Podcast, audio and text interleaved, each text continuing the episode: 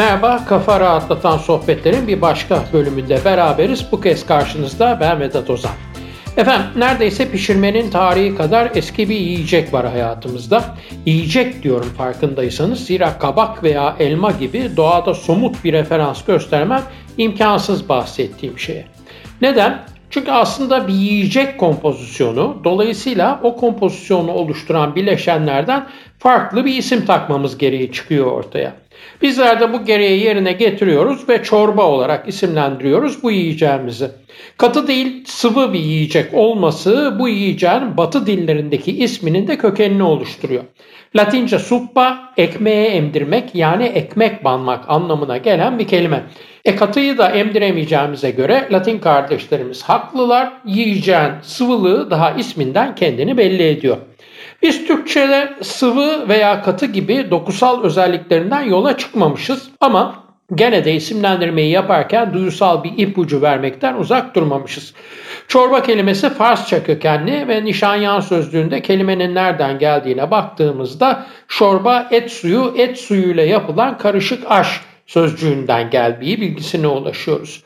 Bu sözcük şor yani tuzlu veya bulanık bulamayla ba aş sözcüklerinin birleşmesinden oluşuyor. Tuzun da ismin anlamının içine dahil olduğunu düşünürsek ki bence şekerli sıvı yiyeceklerden ayırmak için böyle düşünmemizde fayda var. Bir temel tat duyusu olan tuzlulukla beraber kompoze bir yiyeceği ifade etmiş oluyoruz çorba dediğimizde. Özellikle kış günlerinde pek bir rağbet ettiğimiz bu yiyecek çeşidinin geçmişi neredeyse insanlığın pişirmeyi bulması kadar eski. Neredeyse diyorum bir yanlış anlama olmasın ilk pişirilen yiyecek elbette görece kompleks bir kompozisyon olan çorba değil.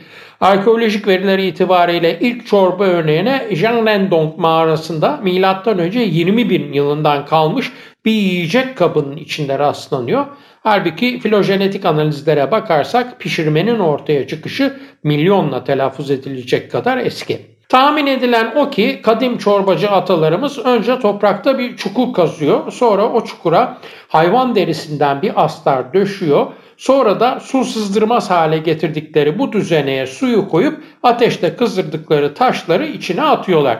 Bu uygulamanın suyun içine kemik atarak kaynatan neandertallere kadar gittiği bu sayede de bir nevi içilebilir et suyu çorbası yapıldığı düşünülüyor.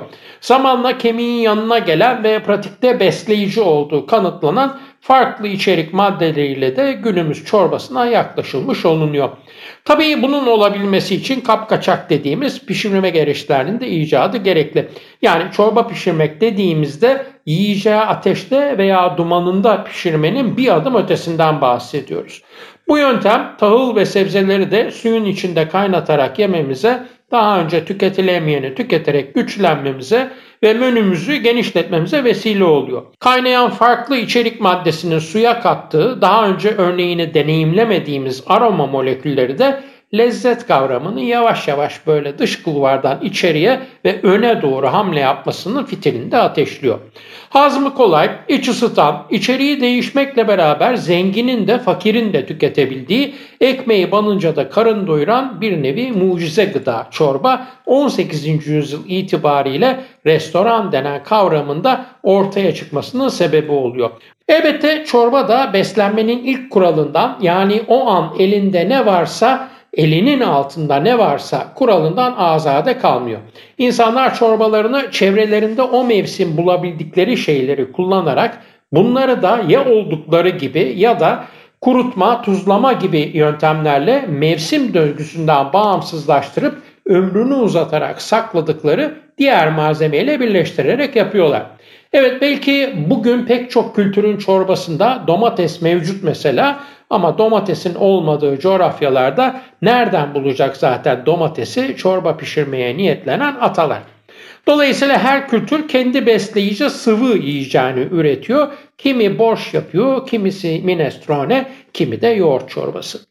Gel zaman git zaman bugünlere yaklaştığımızda teknolojinin de değişimiyle beraber çorbanın taşınabilir formları çıkıyor ortaya. 1897 yılında John Torrance isimli bir kimyager suyu çektirilmiş bir konsantre çorba üretiyor. Bu çorbanın bir tenekesine hiç öyle ölçü kabı falan da aramadan aynı tenekeyle su koyduğunuzda hatta bazen su yerine süt kattığınızda ve ısıttığınızda 5 dakikadan kısa bir sürede içilmeye hazır hale gelen bir ürün çıkıyor ortaya. Bunlara cep çorbası da deniyor. Çünkü gezginler e, tüccarlar ve tabii cephelerde, sahra mutfaklarında büyük tenekelerle bu konsantreleri sulandırıp askerleri tok karnına savaşa gönderen ordular bu taşınabilir yiyecekten bol bol istifade ediyorlar. Sadece konsantre çorbalar değil, toz halde kurutulmuş çorba karışımları da çıkıyor piyasaya. E, bunlar da suyu uçurulup kurutulan çorbanın kendisi değil, çorbanın bileşenleri. Yani çorba yapmakta kullanılan malzeme oluyor. İçerikte kullanılan malzeme kurutularak ve öğütülerek sıcak suyu gördüğünde çorbaya dönüşebilir bir şekilde kompoze ediliyor anlayacağınız. Bu hazır çorbalar sadece söylenildiği şekilde çorba olarak tüketilmiyorlar. Aynı zamanda üzerlerine ilave edilecek sebze veya et çeşitleriyle fazla bir çaba gerektirmeden ortaya çıkacak tencere yemeklerine de temel yani baz oluyorlar. Alıyorsunuz misal konsantre domates çorbasını üzerine az su biraz doğranmış kabak ilave edip çorba yemeği çıkartıyorsunuz ortaya. Keza kabak değil az kavurduğunuz etle o çorbayı birleştirdiğinizde bu kez de yahanimsi bir yemek yapmış oluyorsunuz. Ne domatesi arayıp bulup rendelemekle uğraşmak gerekiyor ne de öyle pembeleşene kadar soğan kavurmak falan gibi zaten bu konsantre çorbaların yaygın olduğu coğrafyalardaki kadınların pek de aşina olmadıkları işlerle uğraşmak. Son cümlem aslında tırnak içinde sözün meclisten dışarı anlamına geliyor. Zaten bu yöntemler tencere yemeği kavramını içselleştirmiş bizim coğrafyamız insanını pek fazla bağlamıyor farkındaysanız. Bu arada itiraf edeyim karı koca çalışan bir çift olarak mutfak vazifesinin bana düştüğü günlerde bazen böyle kolay yollara saptığım, üzerinde yazan suyun yarısını koyup hazır mantar çorbasından mantar sosu oluşturduğum bu sosu da et veya balık her neyse üzerine döküp akşamı çakma bir şıklık içinde dahi olsa kurtardığım vakidir. İşte çorbanın çorba olmasından ziyade gelişen teknolojiye koşut konsantre hale getirilmiş, kimi zaman kıvamlı halde teneke kutuda, kimi zaman da gene sulandırılmak üzere kurutulmuş toz halindeki yiyecek formunun bir başka ve kendinden farklı bir yiyeceğin temelini, bazını oluşturması bizim bu yayındaki konumuz. Aynı bu çorbaların mantığıyla oluşturulan bir başka baz kavramı koku dünyasında hatta koku duyumuza hitap eden en bilindik ürünler olan parfümler dünyasında köklü değişikliklere yol açıyor. Ne gibi değişiklikler anlatacağım ama önce eğer müsaadeniz olursa parfüm tarihine kısaca bir değinmem gerekiyor. Efendim biz insanları diğer canlılardan ayıran pek çok özelliğimiz var. Belki ilk başta akla gelmese de parfüm kullanımı insana dair olan özelliklerden birisi. Sonuçta biliyoruz ki bizim farklı kokmak için istifade ettiğimiz koku kaynaklarının varlık sebepleri bizim hoş kokmamızı sağlamak değil. En sevdiğimiz koku kaynaklarından olan çiçekleri düşünelim mesela. Birincil varlık sebepleri içinde bulundukları yapının yaşamını sürdürmesini ve genetik aktarımını sağlamasına katkıda bulunmak. Bu olguların tek yüklenicisi değiller ama katkıları da inkar edilmez. Bitkiler diyelim mesela kokularını daha çok kendilerine zarar verebilecek uçuculardan vesaire korunmak için kullanırken çiçekler tam tersine daha çok uçucuları kendilerine çekerek polenlerini taşıtmak, tohumlanmalarını yaygınlaştırmak peşinde kokuyorlar. Bizse onların temel karakterlerinin doğadaki temsili olan bu kokuları kendi hayatımızın içine dahil etmiş, bizim için aslen yabancı olan bu unsurlara soyut düşünme yeteneğimiz sayesinde farklı farklı anlamlar vermiş durumdayız. Bu anlamlar da elbette çok çeşitli. Başlangıca baktığımızda hayatımızın içinde hep var olmasına itina gösterdiğimiz, bizim dışımızda ve bizim kaderimizi belirleyen bir güç olarak tanımlanabilecek tanrılarla iletişim kurmanın bir aracı oluyor parfümler. Çok tanrılı dinlerin hakim olduğu zamanlarda yani birkaç bin yıl geriye gittiğimizde soyut fakat güçlü varlıklar olan tanrılarla iletişimi sağlamakta işe yaradığı düşünülüyor parfümlerin. Elbette bahsedilen dönemde ne kokulu malzemelerin içinden onların kokusunu veren bileşenleri ayrıştırabilmek ne de o kokuların ortama yayılmasını komplike teknikler kullanarak sağlayabilmek mümkün. Bu nedenle insan hayatına dahil olan fakat aslen insana ait olmayan kokulu ürün uygulaması, kokulu maddelerin ateşin üzerine atılarak yakılması çıkan dumanla beraber yükselen koku moleküllerinin de temasa geçilmek istenen tanrılara mesajları ileten bir medya, bir ortam olarak kullanılması oluyor. Koku bir araç oluyor yani mesajlar için. Ne bu mesajlar? Tabii ki çeşitli amaçlara yönelik mesajlar bunlar.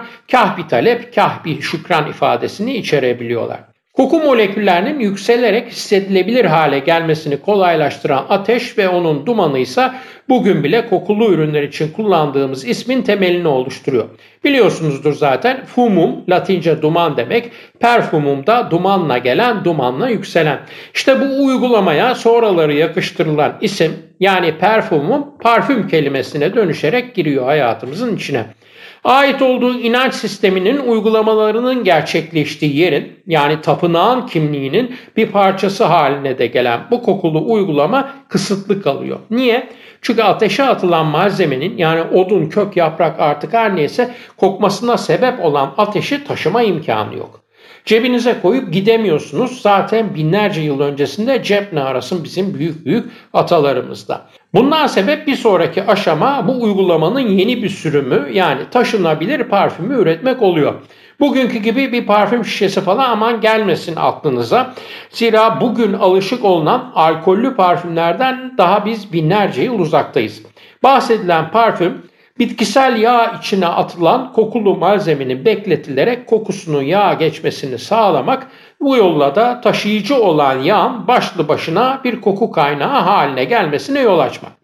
En yakını belki bugün bazı Orta Doğu ülkelerinde örneklerine rastlayabileceğimiz yağ veya merhem formundaki parfümler olabilirler bu anlattığımızın.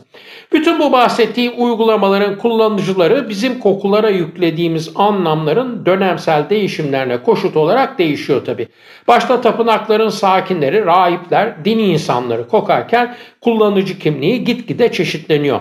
Rahiplerin yanı sıra hekimler, hastalar kokulu ürünlerin kullanıcıları oluyorlar. Çünkü uzunca bir dönem kokuların önleyici ve tedavi edici olduğu düşünülüyor.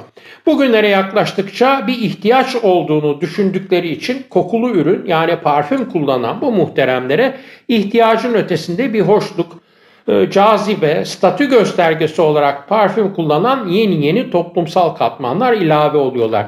Soylular ve soyluların çevresinde olup onları gözlemleyebilen varlıklı insanlar parfümün hedef kitlesi haline geliyorlar. Bunların dışındakilerin zaten kullanıcı olabilmeleri mümkün değil. Çok pahalı bir üründen bahsediyoruz.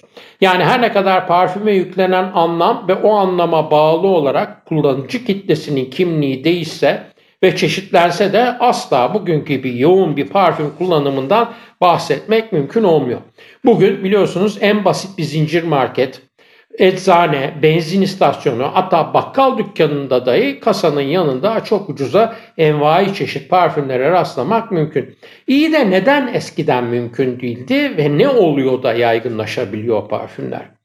Doğrusu ne değil neler diye sormak belki çünkü bir değil iki temel şey oluyor. İlki eski parfümlerde şişenin içindeki o gözle görülmez koku moleküllerini taşımak için kullanılan yağ yerine alkole terk ediyor. Artık parfüm yapımında bitkilerin yağ alınabilir kısımlarından istifade etmek için onların sirkadyen ritimlerini yani belli zaman dilimleri içindeki periyodik döngülerini mesela zeytin ağacının zeytin meyvesi verme mevsini bekleme gereği ortadan kalkıyor. Keza coğrafyaya bağımlı olmakta bir gerek olmaktan çıkıyor çünkü bitkisel yağ yerine her zaman ve her yerde ucuzla üretilebilen alkol parfüm şişelerinin içine bir giriyor bir daha da bugüne kadar çıkmıyor. İkinci olan da şu sanayi devrimiyle beraber ortaya çıkan gelişmeler kimyagerlerin daha önce aşikar olmayan bazı şeyleri fark etmesine yol açıyor. Önce her koku kaynağının bir moleküler yapısı olduğunu öğreniyorlar. Gül kokusu tanımının kimyadaki karşılığı 500'den fazla molekülün anlamlı birlikteliği demek oluyor. Bu moleküllerin hepsi farklı farklı kokuyorlar ama bir araya geldiklerinde gül kokusu dediğimiz toplam kokuyu oluşturuyorlar. İyi de madem tek tek farklı kokabilme özellikleri var, acaba onları o toplamın içinden tek başlarına çekip çıkarmak ve soyut bir takım koku kompozisyonları üretebilmek mümkün mü? Bunlara kafa yorarken bir de görüyorlar ki aynı uçucu moleküllere farklı farklı başka koku kaynaklarında çiçeklerde falan rastlanabiliyor. Hatta daha da iyisi o molekülleri ortak olarak barındıran bu farklı koku kaynaklarının bir kısmı yola çıktıkları ana malzemeden daha kolay erişilebilen daha ucuz malzemeler. E eriştikleri bilgi seviyesi o toplam yapı içinde arzuladıkları molekülü cımbızla çeker gibi toplam yapının içinden çekebilme imkanı da verdiğine göre başlıyorlar o toplu yapıları sökmeye, tek tek molekülleri çıkartıp analiz etmeye.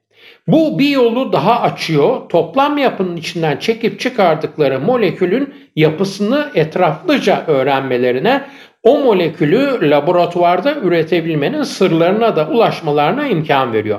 Artık mesela gülün içinde yer alan bir uçucu kokulu molekülü gülün yağının içinden sökerek değil, endüstriyel atıkları işleyerek elde edebiliyorlar.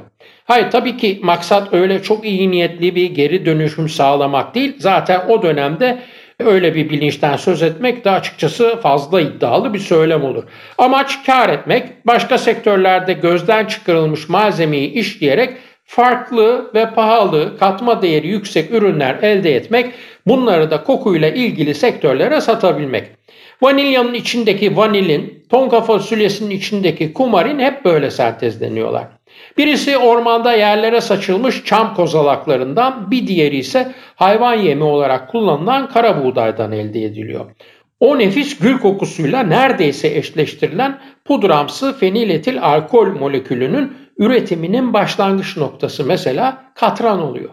Bu yöntemle yani kimyevi sentez yoluyla üretilmiş bir ham maddeyi kullanan ilk parfüm de 1884 yılında çıkıyor piyasaya. Çıkıyor ama ilginç bir nokta var ki o parfümde kullanılan laboratuvar ürünü molekülün ki William Harry Perkin'in sentezlediği kumarindir bu bahsedilen molekül. Elde edildiği tarihle parfüm şişesinin içine girdiği tarih arasında 20 yıl var. Bu da şunu gösteriyor ki kokuyla ilgili iş yapan insanlar daha önce bitki ve çiçeklerin öz yağlarına yani onların moleküllerinin bir arada ve toplu halde bulundukları malzemeyi ham madde olarak kullanmaya alışık olduklarından bu tekil moleküllere direnç gösteriyorlar, pek sevmiyorlar. Hem tek başlarına çok kuvvetli kokuyorlar bu yeni ham maddeler hem de tek haldeki kokuları pek alışık olunan koku profilinde değiller. Ne yapacaklarını pek bilemiyorlar aslında açıkçası bu ham maddelerin alıcıları. Burada da devreye 1876 yılında kurulmuş olan Deler şirketi giriyor. Şirketi karı koca Edgar Deler ve eşi Marie Therese Deler yönetiyorlar. İkisi de kimyager olan çift kokuyla ilgili sektörlere ham madde üretip satıyor, çorbayı kaynatıyorlar. Ürettikleri bazı tekil moleküllerin satışında dirençle karşılaşınca Marie Therese hanımefendi farklı bir yöntem uygulamaya karar veriyor. Zor satılan yeni ürünlerini farklı ama bilindik başka ürünlerle bir araya getirerek baz adını verdiği bir karışım tasarlıyor. Saf halde koklandığında burnunuzu yakacak kadar kuvvetli deri kokan bir molekülü mesela izobutilkinolini esansiyel yağlarla ve başka moleküllerle bir araya getiriyor. Sardunya yaprakları, vanilya, meyan kökü, sandal ağacı, menekşe birleştirerek tatlı ama karanlık deri nüanslarıyla beraber yeşil izlenimlerde yaratan parçalarından farklı bir bütün üretiyor. İsmine de Mustosax bazı diyor. Fazlaca kuvvetli olan sert deri molekülü saydığım diğer malzemeyle harmanlanınca tek başına sebep olduğu iticiliği kaybediyor, farklı bir toplamın fark edilmez gizli kahramanına dönüşüyor. Baz denmesinin sebebi bu yeni karışımın aynı kelime anlamında olduğu gibi bir başka kompozisyonun tabanını veya temelini oluşturması. Baz ismi verilen bu karışımlar tek başlarına bir parfüm olarak kullanılmıyorlar ama yanlarına küçük ilavelerle kolayca farklı farklı parfümlere dönüşebiliyorlar. Girişteki konumuza dönerek bir benzetme yapmamız gerekirse Bu bazlar bir nevi hazır çorba gibiler. O bazı satın alan parfümör yapacağı ilavelerle parfümün kokusunu istediği yöne çekebiliyor. Nasıl ki hazır domates çorbasına eti, soğanı kavurup ilave edince yahni, kabağı az ısıtıp ilave edince kabak yemeği yapabiliyordunuz. Delair'in ürettiği bazıları da aldığınızda üzerine narenciye ilave ederek taze ve ferah bir kokuya çiçek yağlarıyla sarmalayarak da bir çiçek buketi kokusuna ulaşabiliyorsunuz. Üstelik bunu yaparken hazır çorba misali içindeki malzemeleri tek tek bulundurup karıştırmanız da gerekmiyor. Size hazır karışım geliyor zaten. Bir adım ileri gidenler de var tabii bu arada. Birden fazla bazı satın alıp onları bir araya getirerek bir kupaj e, çorbaların çorbası diyebileceğimiz bir toplama ulaşıyor bu müteşebbis muhteremler. Uzun lafın kısası bu bazlar takdir edersiniz ki sadece tasarımcı hız ve kolaylık sağlamakla kalmıyorlar. Anlamlı bütünler olduklarından hatalı sonuç olasılığını azaltıyorlar. Aynı zamanda ham madde stok maliyetlerini de düşürüyorlar.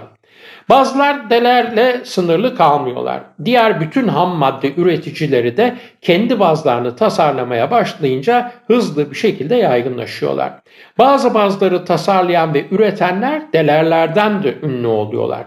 Antiparantez Deler şirketi bugün yok zaten. Aynı alanda bir başka şirketin Simrise'ın portföyüne girmiş durumda epeydir.